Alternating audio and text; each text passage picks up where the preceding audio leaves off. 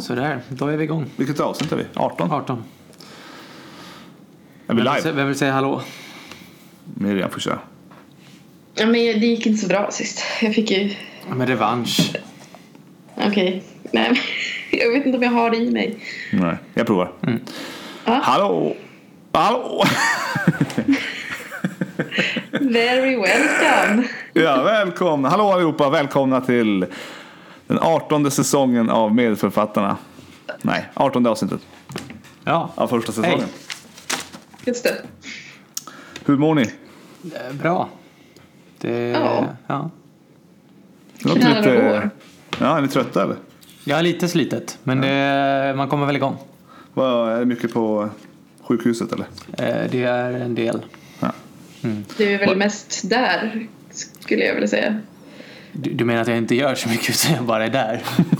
Nej, jag menar att det, det är klart att det blir mycket på sjukhuset när man är där så lång tid. Ja, ja. ja. Var, eh, vad gör ni just nu då? Alltså inte just nu, jag menar Jag är på, på internmedicin. Okej, Miriam vad gör du? Jag eh, läser barnkursen och är på eh, barnneurologen just nu. Spännande. Jag eh, håller på med lite forskning på neurolog, neurologen i Lund. Så är det. Ska vi eh, säga hur alla kommer i kontakt med oss? På eh, Instagram helst. Ät medförfattarna. Får ni gärna likea, skriva, ställa frågor. Och där har vi en väldigt stark rebus från Miriam som jag hoppas att någon har klurat ut svaret till, till på söndag. Annars är det sista chansen nu. Precis. Har ni inte knäckt det än så pausa avsnittet, gå in på Instagram och innan Miriam börjar prata, Precis. lös rebusen. Ja. Har Jag, eh, Fredde tagit den eller? jag har gissat men jag, jag vet Det, inte kom, vad... det kommer vi till sen. Ja. Ja, Okej, ja, det är cliffhanger den här då. Men då kanske vi bara ska dra igång. Nej men vad heter vi? Jag tycker om när vi med jämna mellanrum upprepar detta. Det känns proffsigt. Ja, jag heter Joe. Jag heter Fredrik Wennerström. Och jag heter Miriam Bergström. Jag har också ett efternamn, Eiked. De fett, fettlösliga vitaminerna. Ja, som vi tidigare. Just det. Jo, de fettlösliga vitaminerna Aked kan man kalla dig. Ja, svagt smeknamn. Ja. Ja. Vi drar igång direkt. Något eh, nytt, Ja. någonting gammalt och någonting lite udda. Precis.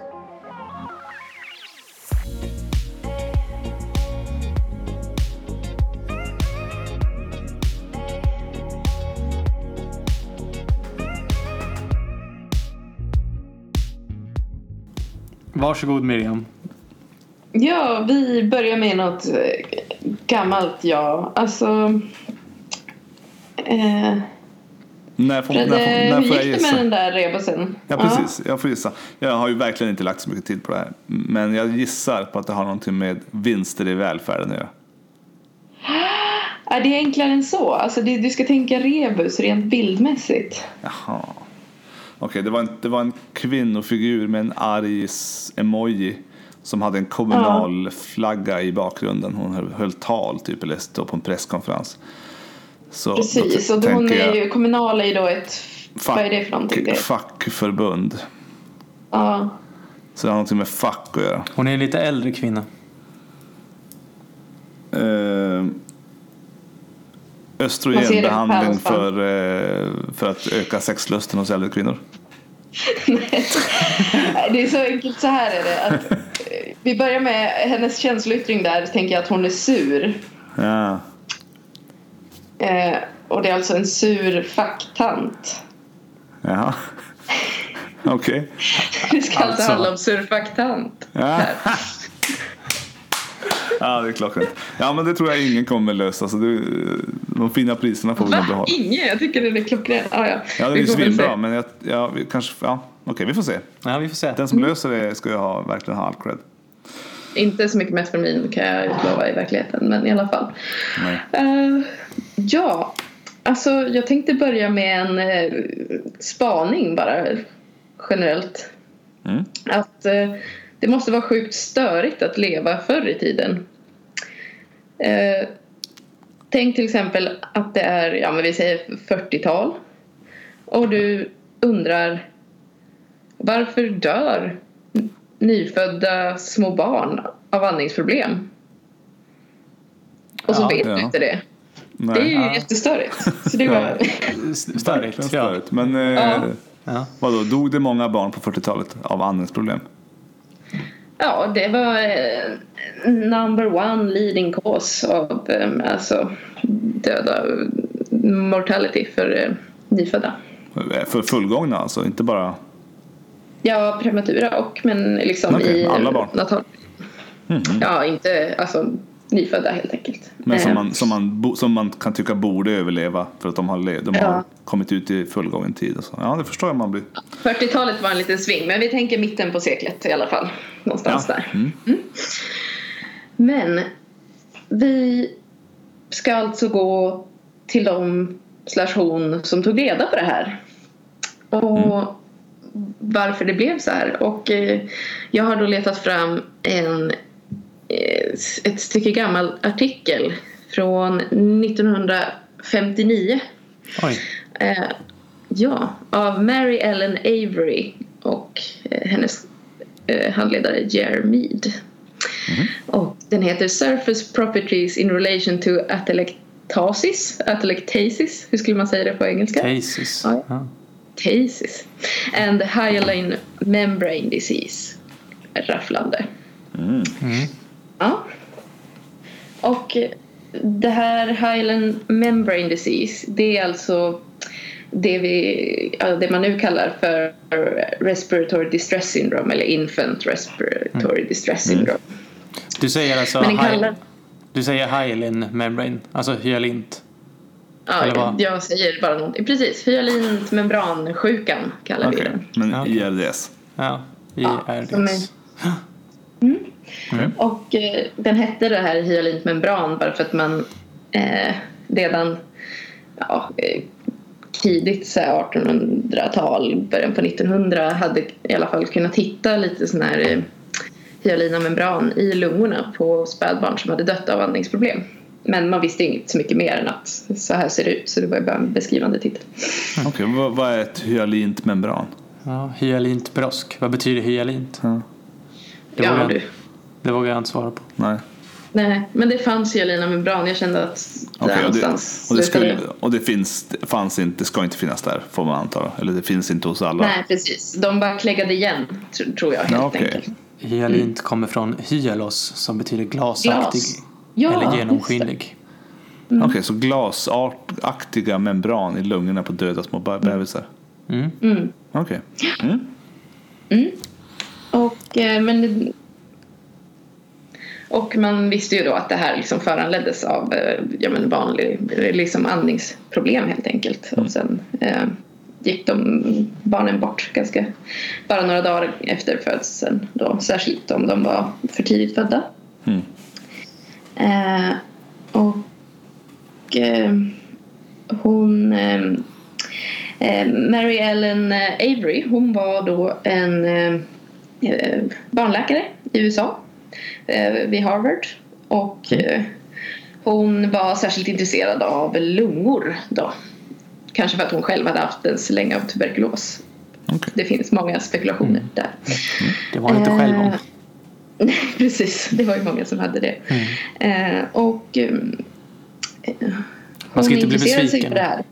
Nej, precis. Om man har tuberkulos och inte blir en framstående barnläkare.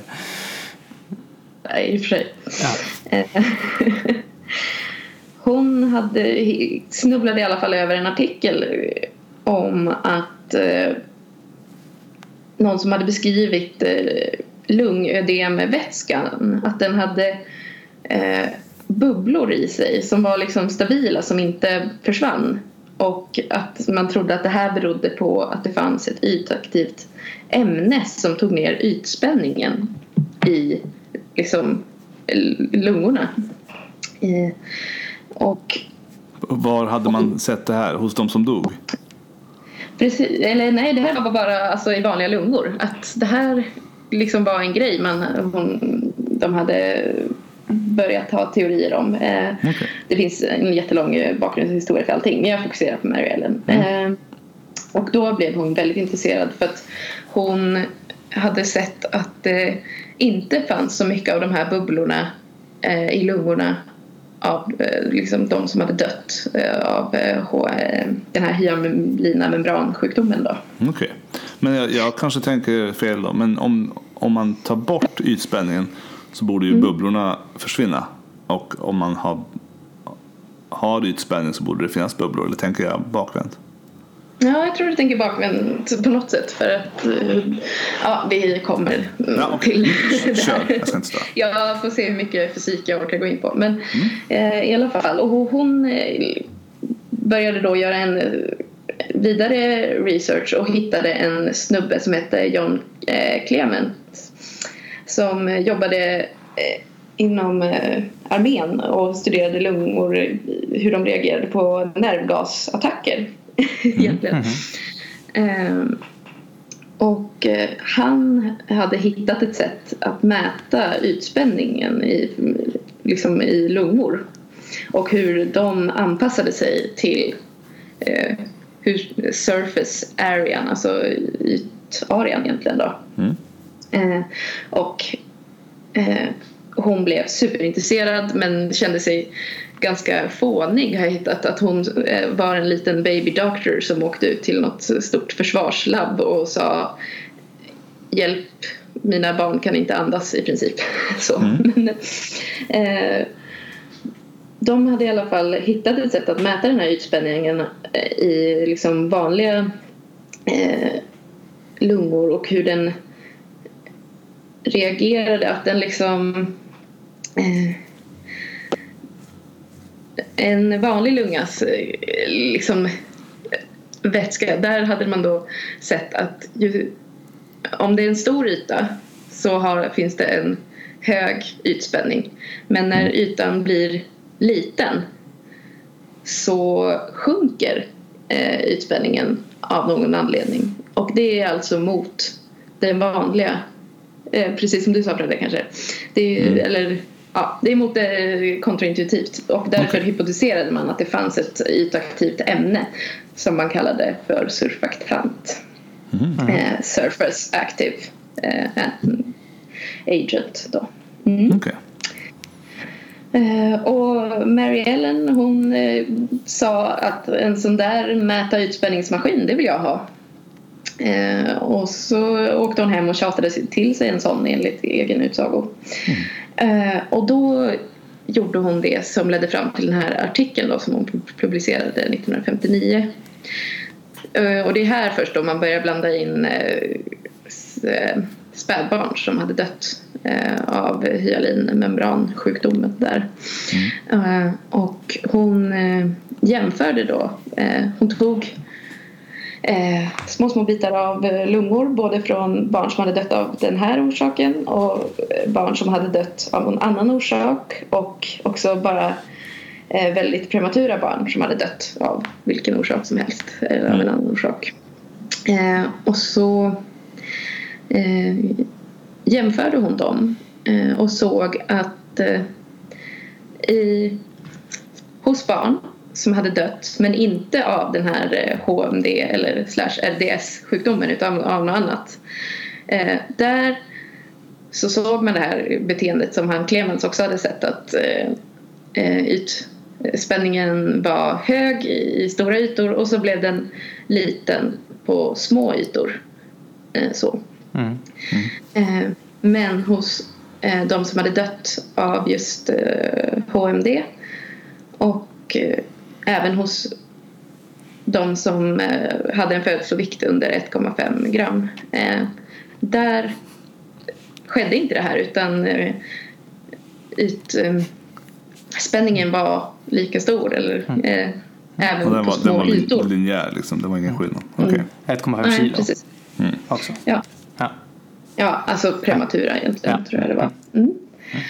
Och eh, det här då tyckte jag att de kunde dra ganska snygga slutsatser från. Och är, det var ju egentligen helt enkelt att det här ytaktiva ämnet då eh, saknades hos de här eh, väldigt för tidigt födda och att eh, man nog kunde dö av- andningspåverkan om man inte hade det. Så Men den, den de- själv, själva ämnet var liksom fortfarande spekulativt då. Man hade inte bes- bestämt liksom Alltså isolerat man hade, nej, man hade ju sett det liksom som någon sorts geléaktig eller skummig yta. På, när man tog de här små, små lungorna som man hade delat upp och sen blandat med eh, natriumklorid så ha, såg man liksom som en film ovanpå eh, eh, vätskan. Liksom. Men Så man att visste det var inte bara fortfarande helt inte vad det var. Nej. Vad skönt, vad skönt och analogt det känns att det bara liksom är någonting man ser.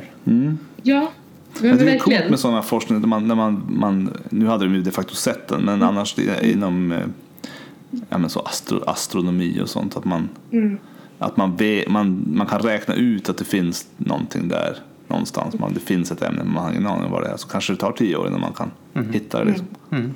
Som eh, Helicobacter pylori. Ja, precis. Det finns Det finns där. en bakterie som orsakar magsår. Men jag vet inte vad det är för någon. Den går inte att odla fram. Okej. Ja. Ja, och sen de hade liksom ganska snygga alltså bara resonemang kring att det här då och det skulle då vara naturligt att man inte får den här sjukdomen förrän man kommer i kontakt med luft för det är en väldigt stor omställning då att eh, foster har ju bara vatten i lungorna alltså de har ju ingen luft i lungorna och eh, därför har man då inte sett den här sjukdomen hos dem som är dödfödda eh, och det förklarade också bilden av att symptomen ofta börjar eh, liksom ett eh, tag efter man har fötts, inte liksom direkt direkt. Eh, Och att eh, sjukdomen var vanligare ju tidigare man var född. Då.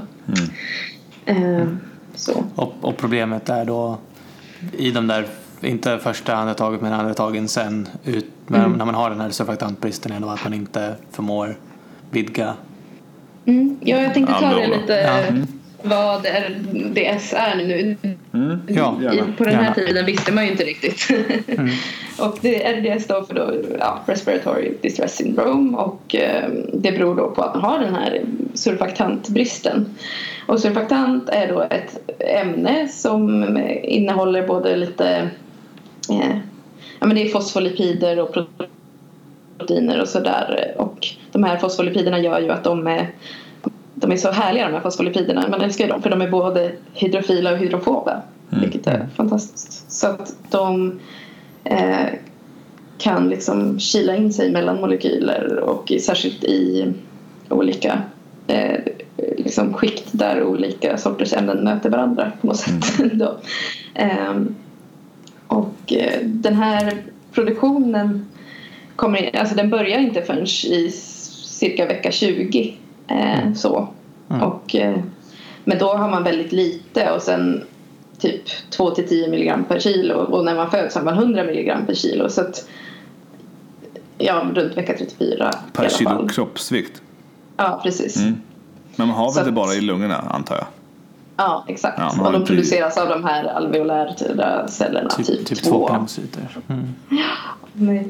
Så ju tidigare man är född desto mindre sånt här har man då och det gör då att eh, alveolerna eh, kollapsar för att vätskan tycker om att vara med sig själv höll jag på att säga. Nej, men vatten eh, eh, det har ju väldigt starka bindningar till varandra, eh, vattenmolekylerna. Så att den behöver någonting som luckrar upp annars kollapsar alveolerna när man andas ut och det är lite, för lite luft i dem. Mm. Så, så att, eh, ja, kanske förenklat eh, och Ja, fel men eh, Ja, men de, de ork, luft, andningsundertrycket eh, räcker inte för att eh, Öppna. öppna upp Nej. dem igen. Precis. nej. För jag tänker mig att även, i, även om du har surfaktant så faller väl alveolen ihop. Ja, ja precis. Ja, Men men precis. den- De kollapsar så... Men man kan inte man öppnar dem inte med luft. Vanligt andningsundertryck. Nej. Nej, precis. Så då får man ju då atelektaser och... Men du som Ja. är på barnkursen, eh, hur, eh, om man inte har surfaktant, eh, om det är slut, det är restat, kan man, Mm. kan man, eh, kan man använda övertryck, typ CPAP, för att göra samma? Eh, Ja, jo men alltså det är inte alltid man behöver då. Eh, för det finns, det tog ju faktiskt ett tag innan man... Eh, En droppe yes kanske. Just det. till slut. Även om man hittade det här på 60, liksom, typ 60-tal, vad det var för någonting så tog det ungefär till 80-talet innan man kunde liksom utveckla surfaktant och ge som läkemedel till de som inte har det. Alltså 80-talet? Ja. Ja. Och- Vad, eh, Det ringer en klocka att man tog det från grisar. Så har jag fått det? Stämmer det? Ja, det fanns på olika sätt. Men eh, vi har ju faktiskt en eh, svensk eh, liten flagga att eh, hissa här. För att det var en, eh, ja faktiskt från Karolinska institutet, Center of Excellence. Så nej, men där jobbade Robertson och Kurstedt och tog fram något eh, som vi använder mycket i Sverige tror jag fortfarande och internationellt som heter Kurosurf. Okej. Eh, som då är från grisar. Eh, sånt eh, surfaktant. Men man kan ju då ge det intratrakealt då för att hjälpa till tills man börjar producera eget sånt här eh, surfaktant. Det tar bara fyra fem dagar innan kroppen fattar att oj gud, det här behövs. Men fram tills dess liksom. Men de flesta, alltså, är det bara mild andningspåverkan så kan det räcka med andningsstöd och liksom CPAP. Okej. Och visst kan man främja produktionen in utero i- i livmodern med är det kortison? Ja, kortison ringer också en klocka. Ja, precis. Betapred-behandling eh, det stimulerar surfaktantproduktionen och därför så om en eh, gravid mamma har liksom hotar att föda innan vecka 34 eller så, så ger man det här. Mm. Okej. Någon högdos eh, Betapred eller bara en vanlig? Oh, nu minns jag inte dosen. Det var för länge sedan jag var på Spiken. Säkert Okej. en månad. Vi har en Ages ago. Vi har en till Ja. lite sån här amerikansk eh, president-trivia.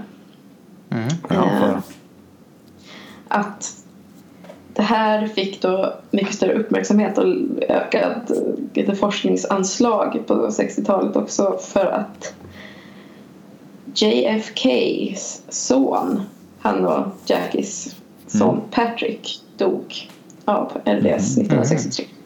Mm. Då. Ja, Okej, så han, eh, eller de såg till att eh, skjuta till pengar eller vad? Ja, och JFK dog väl ganska snart efter, eller vänta, har jag fel? Nej, nej, vilket år? Är det 63 1700-tal? dog Patrick. eh, Ja, när, när dog... eh, Han dog ju på... Var inte JFK 69 också? Ja, när landade de på månen? 69? Var inte Ja, det det, samma, kanske. var inte det samma år? Nej, ihåg. vänta, JFK dog väl 63? Gjorde han inte? Jaha, jo, det låter mer rimligt. Så att han dog samma år? Ja. Samma år i så fall. Ja, ja. Kanske. Bra spekulerat i alla fall. Ja, verkligen. ja. Så det var det om den sura facktanten. Mm. Men nu kan man... Så nu antar jag att eh, RDS inte är leading cause of death då för spädbarn, eller? Eller är det fortfarande Äh. Bara att det har gått ner? Alltså det är fortfarande fruktansvärt vanligt om man säger. Alltså en procent av alla nyfödda och föds du före vecka 28 så har du så här 50 procents risk att utveckla det här. Men eh, jag, försökte hitta aktuella mortalitetssiffror och sen kanske inte letade tillräckligt länge. Men det är fortfarande ett väldigt vanligt problem. Men ja, flera hundratusentals, kanske miljoner liv har ju räddats då i och med att man kom på det här. Bra. Förmodligen flera miljoner. Så. Mm. Snyggt! Ja, men tack så mycket Tack, tack. för den sura facktanten. Ja, precis. Får jag bara dra en liten anekdot om Mary Ellen Avery som jag tyckte var lite Gärna. kul? Mm. Ja. Det var att hon bestämde sig för att bli läkare för att hon hade då en eh, granne, en kvinnlig granne som var läkare. Och hon sa att har helt enkelt sagt att hennes liv verkade så himla mycket roligare än alla andra kvinnor hon kändes liv. Så det var därför hon skulle bli det. Vet- Vet du vad grannen hade för specialitet? Ja, jag undrar om det var en barnläkare också. Kan, kan, kanske det man ska välja Ja, baserat på den beskrivningen. Ja, tycker ni att, det- att det stämmer än idag? Verkar det vara ett roligare liv att vara läkare än att inte vara läkare? Ja, Det är så? det tycker jag. Ja, Vad är det så? så är det. Ja. Men eh, då drar vi vidare. Ja. Något gammalt. Nej men det här var ju Något- gammalt. Det här var gammalt. Nu får du ta och komma in i matchen här. Någonting nytt.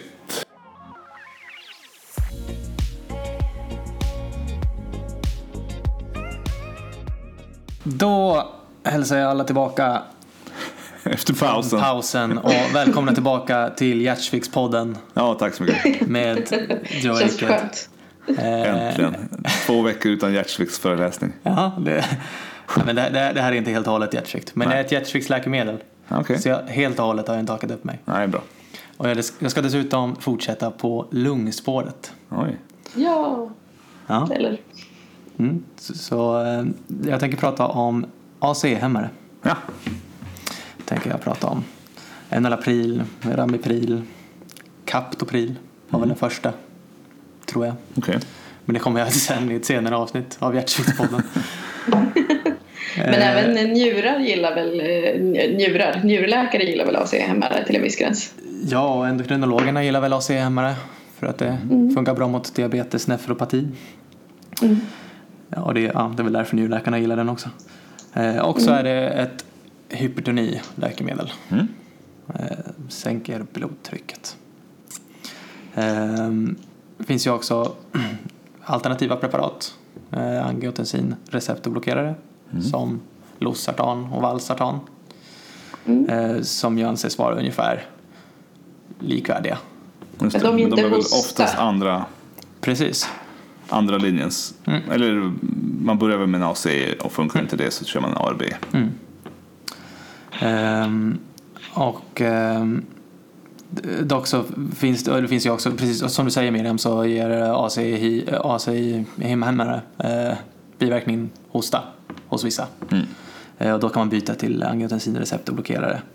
Annars är de huvudsakligen likvärdiga. Även om det finns en metaanalys från 2012 som har visat något mindre risk för pneumoni med ACI-hämmare jämfört med angiotensinreceptorblockerare. Okej. Men annars är de väl i stort sett eh, ehm, likvärdiga. De jobbar bara på olika ställen i angiotensin.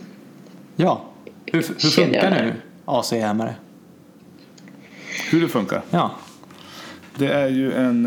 eh, Ett AC är ett ämne som finns i lungorna. ja, Som... eh, Konverterar. Ja. ja ett angiotensin converting enzyme Ja. som namnet antyder så omvandlar det Någonting till något. angiotensin 1 till angiotensin 2. Just det. Och angiotensin 2 är ju det som är verksamt i RAS, ja. RAS-systemet, renin angiotensin aldosteron-systemet. Så båda två ger ju en rasblockad. Ja, Både ARB och ACEI. Mm. Eh, Så det är precis, det är ju så ACI funkar, att eh, de hämmar det här enzymet som finns i lungan. Mm. Eh, Och därmed sänker de blodtrycket. Mm. Genom att, ja, då får man mindre arteriolresistens och minskad resistens i glomeruli.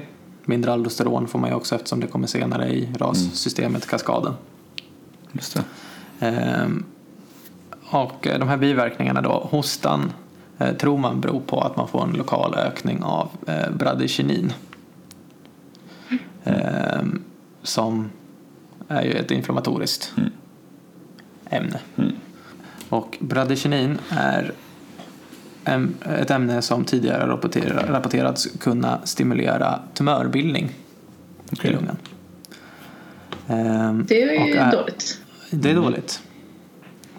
Eh, substans P som också ackumuleras eh, till viss del, tror man, eh, vid eh, behandling med ACMR eh, uttrycks av vissa lungcancerer och är associerat med att tumörerna prolifererar, växer till och att det blir kärlinväxt i tumörerna.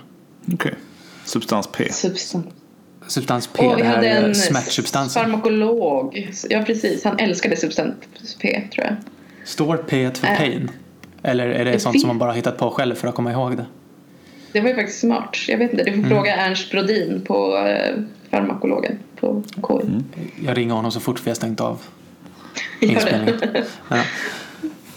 Eh, ja, så det finns ändå en liten eh, teori där om att den här behandlingen, eftersom den ökar det här bradykininet lokalt, skulle kunna bidra till utveckling av eh, lungcancer. Alla har jag se hemma där. Ja, detta har studerats eh, tidigare i observationella studier och det finns metaanalyser som inte har vi- visat någon ökad cancerincidens. Då har man i många studier tittat på alla typer av cancer. Eh, men problemet med de här metaanalyserna är att många av de här observationella studierna har små populationsstorlekar eh, korta durationer med mediantid på tre och ett halvt år. Och på den tiden, Hinner ingen cancer växa till knappt. nej precis. Ehm, och sen i den artikel som jag har läst, som jag snart ska börja prata om, så beskriver de också ett problem i de här epidemiologiska observationella studierna. Berätta. Som jag ska försöka berätta om i det här som får bli ett stående inslag efter eh, avsnittet om MR-knä eh, och Rättsmedicinalverkets Just det.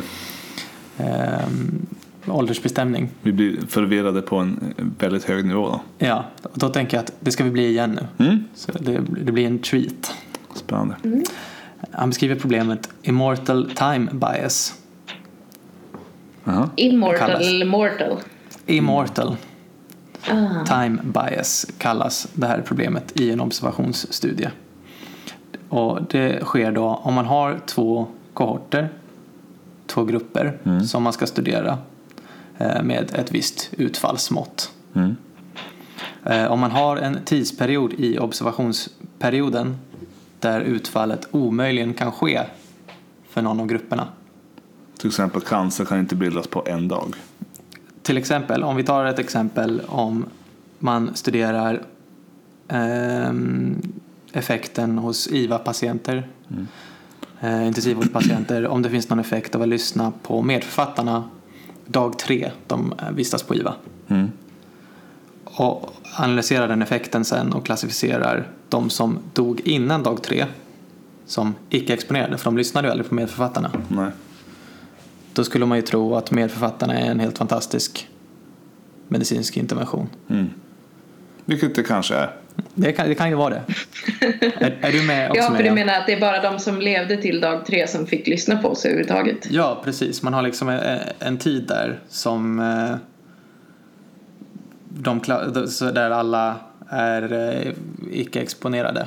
Men det är ju helt omöjligt Så för är- dem. De är ju, det är helt omöjligt för dem att få outcomen, Mm. alltså, eller det utfallsmått Ja, just det. som man söker innan de ens har liksom utsatts Just för Man kan ju behandling. byta ut medförfattarna mot vilket annat läkemedel Ja. som helst. Precis. Det är ju, precis. För, för de, de pa- patienterna blir ju då, den tiden blir ju immortal Just det. eftersom det är helt omöjligt för personer i, i den tidsrymden Mm. att eh, utveckla själva utfallsmåttet. Mm. Men vadå, de kan ju Eh. visst dö. Jag fattar inte, nu är det ju före någonting. Ja, de kan ju dö då, men det är, om, man, om man klassar de som icke-exponerade sen, att, men de lyssnade ju aldrig på medförfattarna. Om man jämför sen på slutet. Om man jämför på slutet. 100 lyssnade och eh, 100 lyssnade inte. Och av de här 100 som inte lyssnade så hade, hade 99 redan dött innan de ens kunde lyssna. Mm. Så skulle det se ut som att eh, 100 som lyssnade överlevde men bara en som inte lyssnade överlevde. Mm. Det låter ju som att medförfattarna är verkligen det bästa man kan göra på IVA. Ja, Vilket Men det blir kan vara inte återigen. immortal, jag fattar inte. ja men ett, ju- nej. nej, men eh, den tiden är ju immortal. Immortal time. Ja just det, ja, för gruppen som fick lyssna på medförfattarna är ju det. Ja, Ja. Precis. Okej. Precis, Nej, för de kan, är de kan ju inte dö och sen fortsätta, fortfarande ändå få Nej. lyssna på medförfattarna dag tre. Nej just det, så då skulle de aldrig kunna hamna i den gruppen överhuvudtaget. Nej, Nu precis. De kunde bara hamna i en grupp. Mm. Eh, och då får man ju ett, eh, en, en skevhet, en Mm. bias i sin artikel. Ja, och det problemet fanns eh, då i vissa av de här tidigare artiklarna på ämnet, bland annat en artikel som visade en skyddande effekt av eh, AC-hämmare mot cancer. Då var det, det här immortal time bias ett problem. Mm. Det gick väl ändå helt okej att förklara, tror jag. Vi, vi får se vi får se. om det var förståeligt. ja. Ja, Ja. Men, men eh, okej, du kommer kanske till men det låter ju som att det är ju Ja, det är ju verkligen bias. Det är ju, det är ju felaktigt att... ja i- i- men det är ett vanligt fel. Ja, okej. Eh, Det Är det fusk eller är det mer att man gör det av, av oförståelse? Det oförståelse tror jag Ja. definitivt. Att, eh, det är ju väldigt lätt att tänka att de är ju icke-exponerade. Mm. Eller man har en studie och så, men när de får den här diagnosen Mm. eh, då är de inkluderade i våra observationella studier. Just det. Och sen, men man tittar på effekten av ett läkemedel som de får först mycket senare. Just det. Och då är det ju Ja. ett stort gäng som inte får det här läkemedlet. För att de har dött till exempel. Ja, emellan, och eller då, då är det ju av- folk som har ja. dött och då Mm. får man ju liksom skevheter i just det. Det, det finns många exempel på det här. Mm. Ehm, Särskilt inom då farmakoepidemiologin Okej. finns det väldigt många exempel. Ja, då, men hur som helst. Om vi går vidare då till, ehm, tillbaka till eh, AC-hämmarna efter det här sidospåret. Så ska jag prata om en artikel från den 17 september 2018. eh, Av Hicks et al. och som är publicerad i British Medical Journal. Som heter Angiotensin Converting Enzyme Inhibitors and Lung Cancer. Mm. Kort och gott. Ingen förkortning här, utan här är det Eh, inga förkortningar här nej, utan eh, Det var det. för, det, för det handlar ju inte riktigt om hjärtsvikt. Det är ju inte, det är ju inte kardiologer. precis. Det är väl därför. Ehm, och då är det här en studie från Storbritannien eh, där man med hjälp av eh, en ehm, databas eh, som heter United Kingdom Clinical Practice Research Data Link Mm. eh, har studerat 992 061 patienter Oj. eh, mellan 1995 och 2015. Eh, och det är patienter som nyligen har blivit insatta på ett antihypertensivt läkemedel Vilket som helst. som registreras i den här databasen. Mm. Eh, och de här patienterna fick inte ha haft någon form av cancer tidigare. Eh, och de här patienterna följdes då upp sen antingen till och med lungcancerdiagnos som man också såg i det här registret. Mm. Eh, att patienterna dog eller till och med 2016 Okej. där man avslutade. Ehm, och man hade att alla räknades som icke exponerade fram till ett år efter första utskrivningen. Av något antihypertensivt Ja. läkemedel. Okej. Ja, och det, det förklarar man med att man ville minska en annan bias, detektionsbias. För man kunde spekulera i att eh, eftersom ACE-hämmare orsakar hosta Mm. att det kan Så skulle leda- man upptäcka fler lungcancer för att man skulle vilja undersöka lungorna? Ja, Eller? Mm. att det leder till ökad di- diagnostik. Man gör mer lungröntgen. Ja. och Så, ja. Så Det väldigt hade jag inte kommit på. Hjärna. Nej, alltså de är he- helt, jag tycker eh, de som har gjort den här studien de är helt fantastiska på att parera för bias. Vilket jag ska återkomma till. Den är väldigt snygg. Mm. Eh, Men då följdes patienter i eh, 6,4 år medel eh, uppföljningstid. Eh, 335 000 drygt patienter som förskrevs AC-hämmare. 29 000 drygt eh, angiotensinreceptorblockerare. Eh, 101 000 drygt på en kombination av de båda. Mm.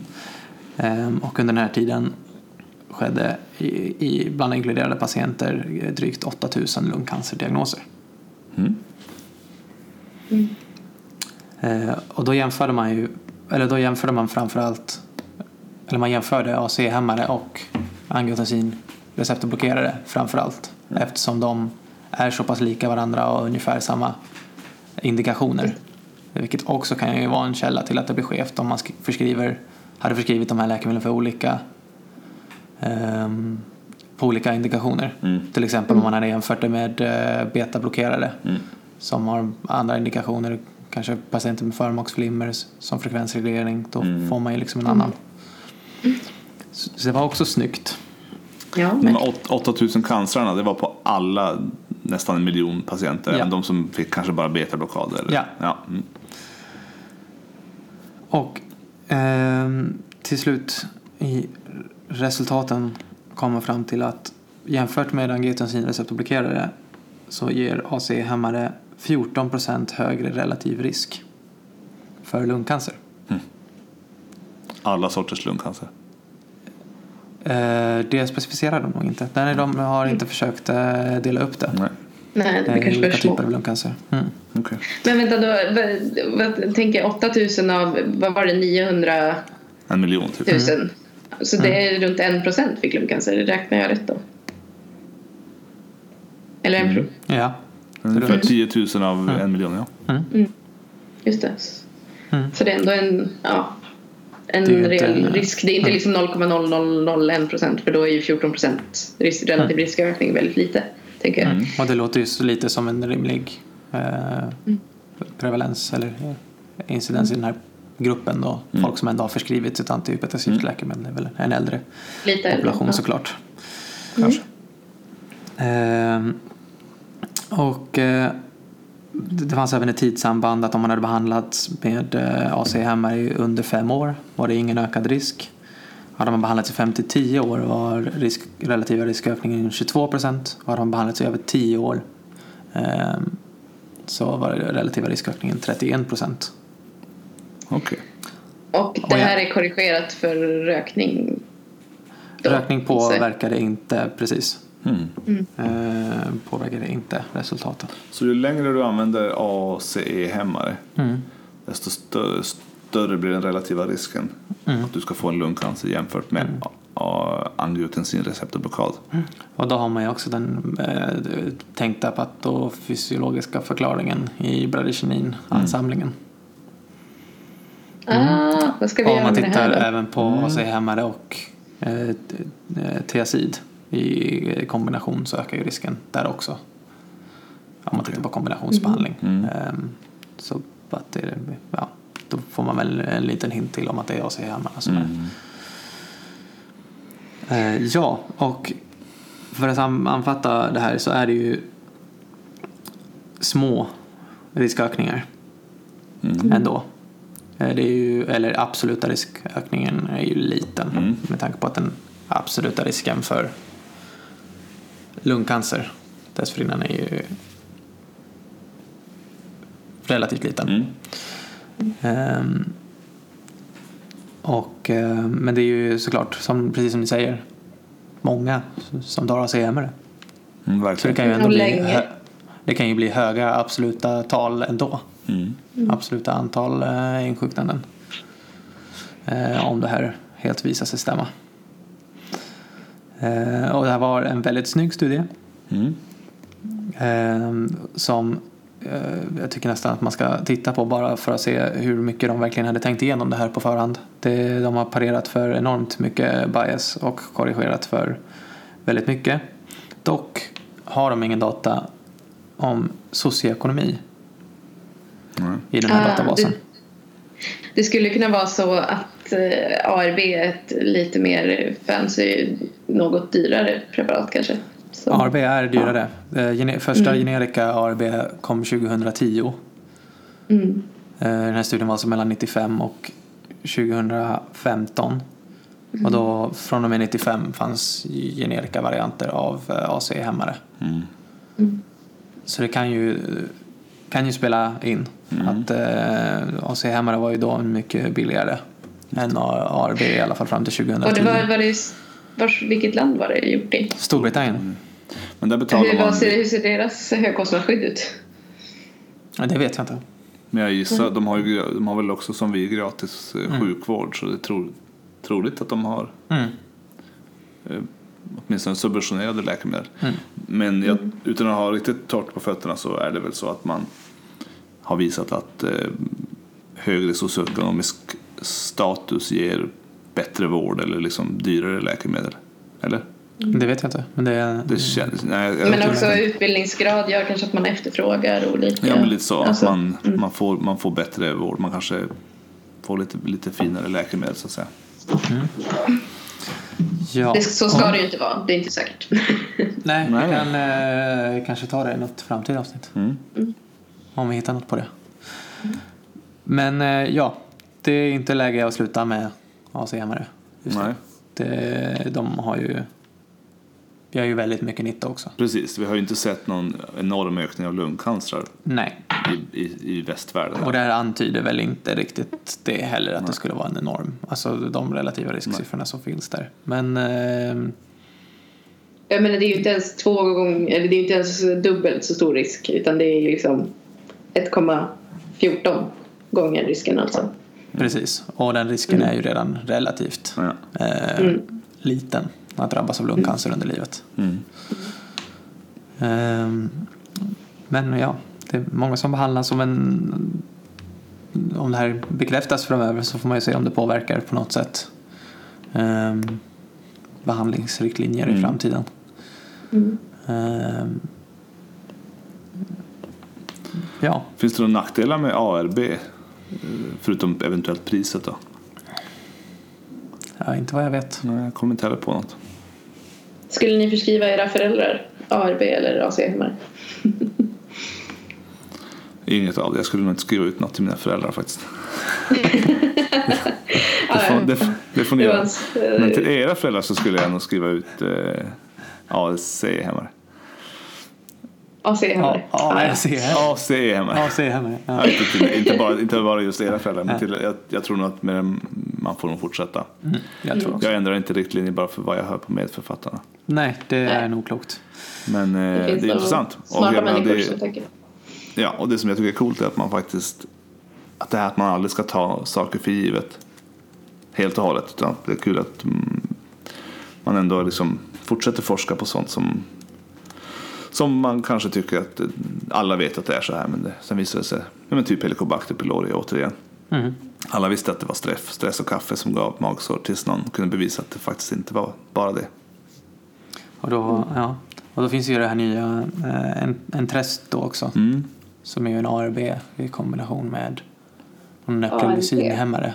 Just det. ARB, alltså angiotensinreceptorblockerare och nepril- neprolysinblockerare. Ja men det är väl som eh, an, eh, atrium, eh, alltså ANP. Alltså neprilysin. Mm, det gick väl på den mekanismen. Man trodde inte att man kunde Ja, göra ett läkemedel på eh, den här förmakspeptiden. Just det. Eh, som det, ja, kanske får ett uppsving Ja, av det här. jag vet de, inte. ja, de håller ju på att forska mycket på det. Ja, Och promotar det stenhårt. ja, kanske får ett uppsving av den här Mm. kängan mot AC-hämmaren. Kanske. Ja, Ja. men tills dess fortsätter vi med AC-hämmaren. Ja, och så tycker går vi vidare till någonting udda. ja. Let's do it.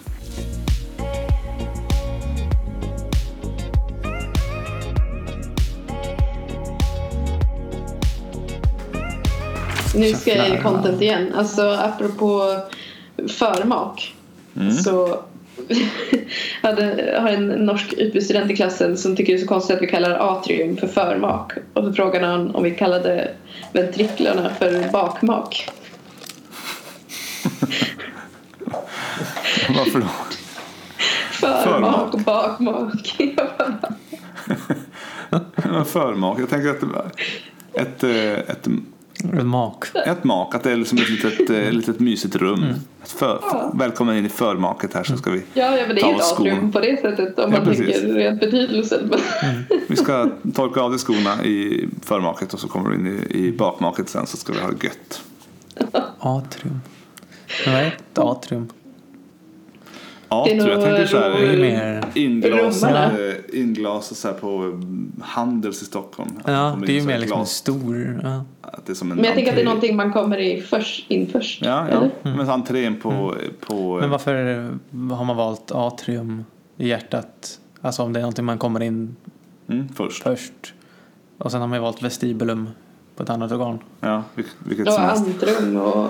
Antrum ja.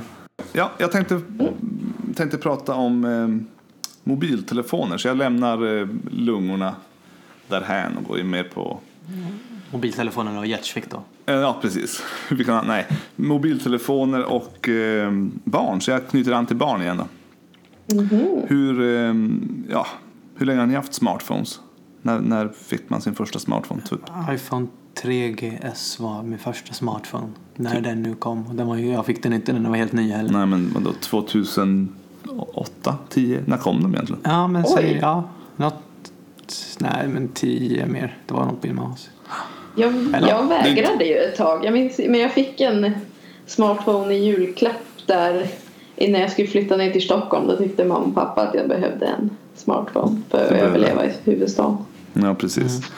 Det har ju blivit, eh, det har verkligen blivit en, en boom kan man säga på användning av små skärmar Det är, stora. det är en så kallad grej. Ja, det är verkligen grejen. Jag, eh, på tal om Stockholm, jag var i Stockholm nu för inte allt för länge sedan och eh, satt då i tunnelbanan.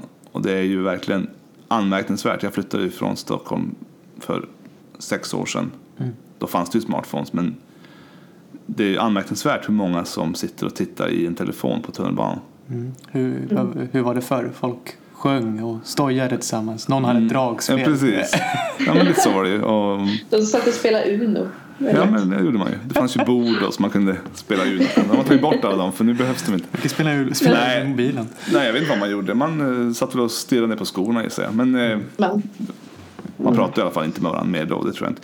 Men, men kanske att man pratade med, med dem man känner. Nu pratar man ju inte med dem, ens med dem. Nu sitter man bara med sin mobil.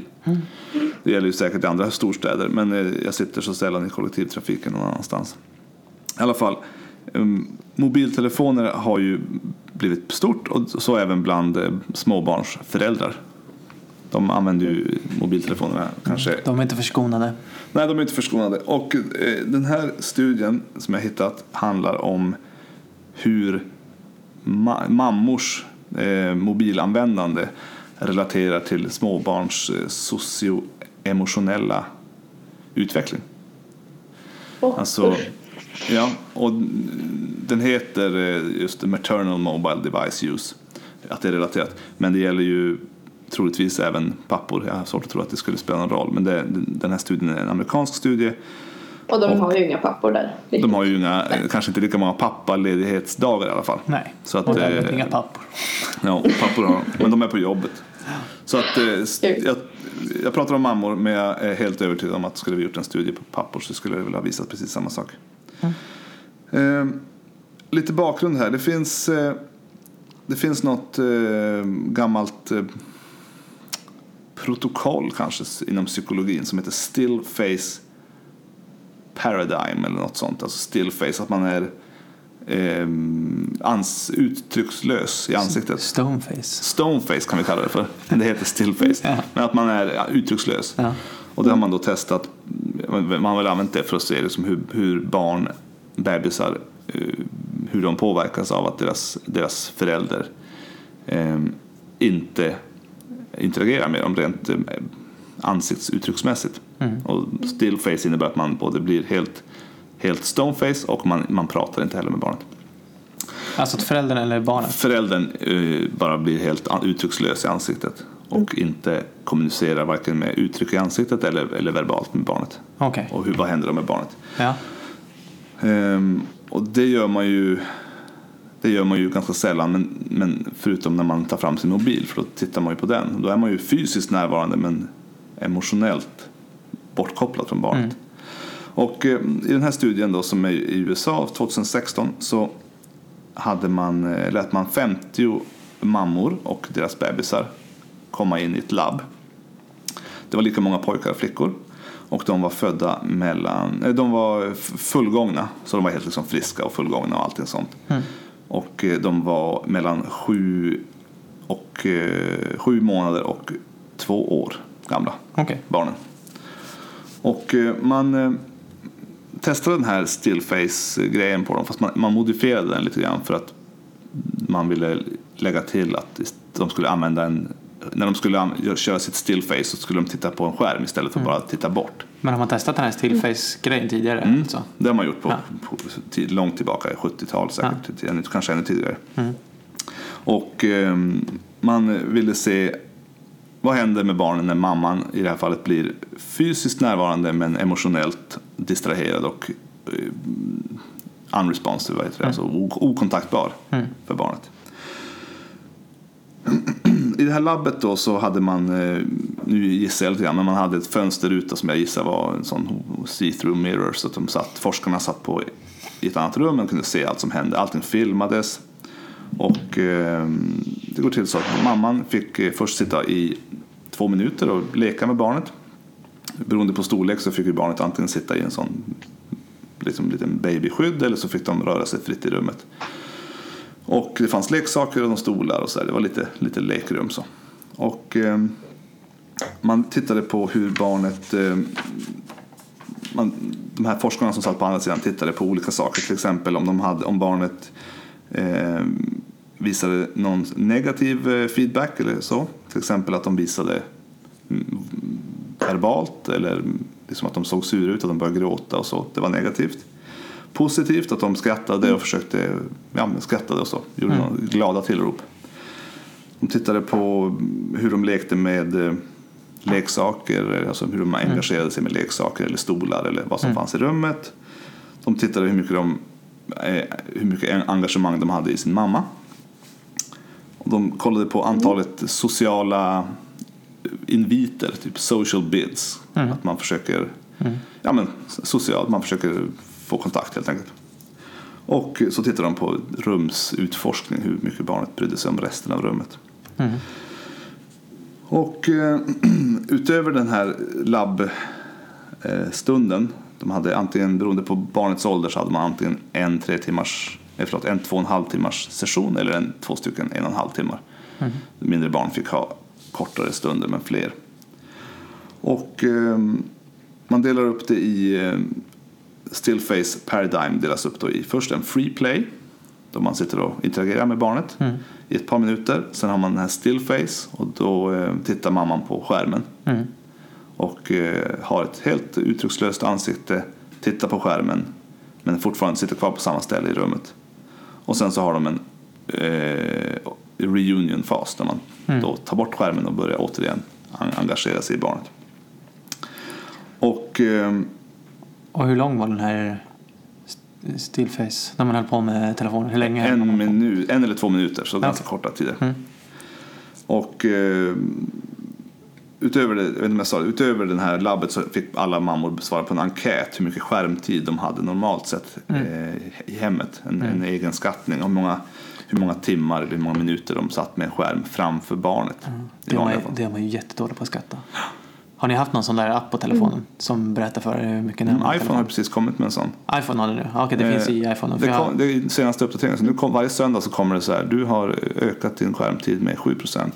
mm. Till Alltså, 23 timmar och ja, men alltså det är 59 ju många timmar. ja, alldeles för många. Ja. Men du har ju inga småbarn nu. Jag har ju tre stycken så jag känner att jag, det är därför det här känns extra intressant för mig kanske. Men eh, i alla fall. Lite resultaten från det här. Det är, det är en, en short report kallas det för. Så de har ju liksom inte kommit fram. De har bara egentligen testat vad som händer med barnen. Hur, de, hur de agerar och interagerar. Sen får man ju fortsätta forska på om det här spelar någon roll för deras utveckling kanske. Men under den här första perioden, då, free play. Så kunde man se att barn till mammor som hade en eh, stor eh, mobilanvändning, egenskattad mobilanvändning, kunde man se att de hade lite mindre engagemang med sin mamma under den, under den perioden. Ehm, oklart om det var statistiskt säkerställt. Det var, nog, det var nog i så fall väldigt svagt i så fall. Men under själva stillface då, där mamman de, eh, hon fick det pep till i telefonen eller på skärmen, då skulle hon titta bort och titta på skärmen i en eller två minuter. Eh, återigen barn då som eh, hade ma- mammor med mycket skärmtid. De visade mer som negativa affekter, mer negativ feedback. Eh, de fick en mindre rumsutforskning, deras rumsutforskning blev mindre. De gav mindre positiv feedback och eh, de försökte ge fler sociala inviter, sådana social bids. Och ehm, under den här åter eh, reunionfasen då så kunde man se att man fick återigen lite mindre positiv feedback från de barnen som hade föräldrar med, med mycket skärmtid. Jag tittade på ett Youtube-klipp, från, det var inte med mobiltelefon utan det var bara det, den gamla. Gamla paradigmen. bara, mamman bara sitter där och leker, helt plötsligt så tittar hon ner i golvet och sen sitter hon så i någon minut. Och det börjar med att barnet blir lite, blir lite liksom ledsen, lite orolig eh, och börjar veva med armarna och försöker få kontakt genom att liksom ut- utstöta lite ljud. Det här barnet var knappt ett år tror jag som jag såg. Försöker få kontakt, blir lite oroligt. Sen tittar mamman upp på barnet men fortsätter behålla den här Stillface. still Åh, vad face. mysigt. Eh, och eh, barnet blir väldigt... Eh, först börjar barnet liksom skratta, skratta för de säger att mamma sitter där men de fattar inte vad hon håller på med riktigt. Skrattar, fortsätter med de här sociala inviterna för att sen till slut bara liksom ge upp och bara sjunker ihop i sin lilla stol och bara slutar bry sig om mamma för att hon, hon är ju inte här. Liksom. Ehm, och ehm, vad det här gör med, med liksom barnens, barnens utveckling det är, är ju nog ingen som riktigt vet ännu för att så länge har ju inte mobiler funnits faktiskt. Och jag kan inte komma på något annat vi har gjort som har gjort att vi har varit fysiskt närvarande men, men emotionellt frånkopplade som mobiltelefoner. Men jag menar Alltså- då om ens föräldrar sitter och läser en bok. Alltså det får de väl göra. Ja, men, ha, Eller tro, men tyst tror, pappa läser tidningen. Ja, det är klart man får. Man får väl sitta med sin mobil också. Men Ja, det är menar, klart man får har- har Men jag menar att det, det har har man man- väl gjort tidigare också. Ja, men tror man har gjort det så mycket samma som utfatt, eh, utsträckning? utsträckning menar jag. Jag tänker att Mm.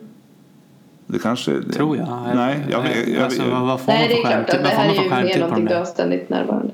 ja, Man får ju liksom fyra timmar. ja, det kan man nog få. Fyra timmar om dagen. Ja. Mm. Så länge tror jag inte någon tidigare har läst tidningen eller Nej, jag tror inte Nej. heller. sen kanske man inte får det som småbarnsförälder fyra timmar skärmtid. Det, Nej, det, Men, eh, det, är väl upp, det är nog väldigt olika tror jag. Men eh, jag noterar ju på mm, lekplatser och så. Jag är ju aldrig hemma hos folk eh, så, som jag inte känner. Men jag ser andra människor som sitter på lekplatser så sitter ju många föräldrar med mobiltelefonerna. Mm. Och det, har blivit, det är lite tabubelagt att sitta med mobilen. Ehm, men det är ju ändå, det, det sker ju. Jag, jag, menar, jag är ju verkligen den första som erkänner att jag också använder min mobiltelefon. För att man blir, det är ju liksom en liten drog. Man tar fram, har man ingenting att göra, barnet leker med någonting bredvid där, så tar man upp mobilen och så sitter man och tittar på den. Mm. Och hur många minuter det blir, det beror ju på kanske hur mycket negativ feedback man får från sitt barn. Mm. Men eh, det vore väldigt intressant att se vad kommer det här bli en, kommer det här bli en grej? Kommer barnen som växer upp nu att ha att ha, vara socialt emotionellt störda av att föräldrarna har tittat på sin mobiltelefon så mycket? Nej, men jag tänker att eh, särskilt för riktigt små barn så eh, de förstår ju inte varför en förälder tittar på telefonen eller vad som kan vara kul med den. Jag tänker att lite större barn som ändå har en relation till att det händer roliga saker på en iPad eller så, de kan ju Mm. kanske förstå det lite mer men inte Ja, riktigt små. Nej, absolut. En, en eh, tvååring kanske själv sitter med sin iPad lika mycket som, som föräldrarna. Det ju, kan ju hända. Men en, de här var ju mellan sju månader och två år. De, Mm. de flesta av dem har väl egentligen ganska dålig koll på vad är det där för någonting. Och eh, ja, det, Men, eh, det påverkar deras, deras beteende. Sen om det påverkar deras utveckling, det är ju för tidigt att säga. Men eh, det jag tar med mig är att göra mycket ansiktsuttryck Precis, när jag samtidigt. sitter med telefonen. Ja. Och det är ett barn i rummet. Precis, prata gärna om någonting, vad som helst. Vi kopplar på någon sån här tensapparat I ansiktet. på ansiktet så att man rycker till i, i mungiporna ibland. Precis. Eller bara sitta och le helt enkelt. Ja. Ja. Ja. men så det var, eh, jag vet inte, det var inte jätteudda forskning, det var bara att, eh, Ja, Det är ganska udda. Det det Tankeväckare. ja, Det är också ganska udda. Vi pratar inte så mycket om sådana här studier. Men, Nej, det precis. men, så, men sådana där observera någon i ett rum. Lite mer psy- psy- psykologi. psykologi, ja kanske. Ja, Ja, beteendestudier det är ju svårt. Mm. ja, som den här ja, Milgram-studierna. Vad var det för något? Kändes lite som det var väl han som hade de här beteende experimenten med att man får trycka på en knapp och ge någon elchocker. Ja just det, de var ju härliga. Inte. Ja. Det, men lite så kändes Mm. det. Ja, nej, men så jag, jag tar med mig att jag ska faktiskt eh, försöka begränsa skärmtiden framför mina barn. Mm. Både min och deras. Mm. Så gott det går. Men det, det är väldigt mycket bara en, en eh, att ändra sitt beteende. Att, inte, att kanske sätta bort sin mobiltelefon. Så om ni ringer mig från och med nu så kanske jag inte svarar. Kan lyssna på podd kanske. Ja, precis. Då kan alla få lyssna på högtalarna. Ja, Man måste lära dem tidigt. Ja. precis. Så det var veckans eh, medförfattarna. Ja, det var det. Avsnitt 18. Ja. Ni vet, ni vet vart 20. ni, var ni når oss. Ni når oss på Instagram, Twitter, Facebook. Hur, hur gamla är vi nu? Är vi ett halvår gamla? Nej, vi startade, Vi startade i mars. 21 jag. april. April var det Ja. Det var samma dag som Avicii avled som vi, vi spelade in första ja, podden. men då är vi väl lite mer än ett halvår Ja. Ja, absolut. då, då är vi mer än ett halvår. Mm. Ja, ja. Ja. ja, men då så. Så snart är det dags för julspecial och nyårsbloopers. Och Ja, stay tuned helt enkelt. Krönika. Ja. ja. årskrönikan. ja, Den blir stark. Mm, kommer bli mycket starkt. Ja. Ja men eh, hör av er till oss på ätmedförfattarna. Eh, framförallt på Instagram. Och eh, lyssna igen om två veckor. Ha det fint. Hej då!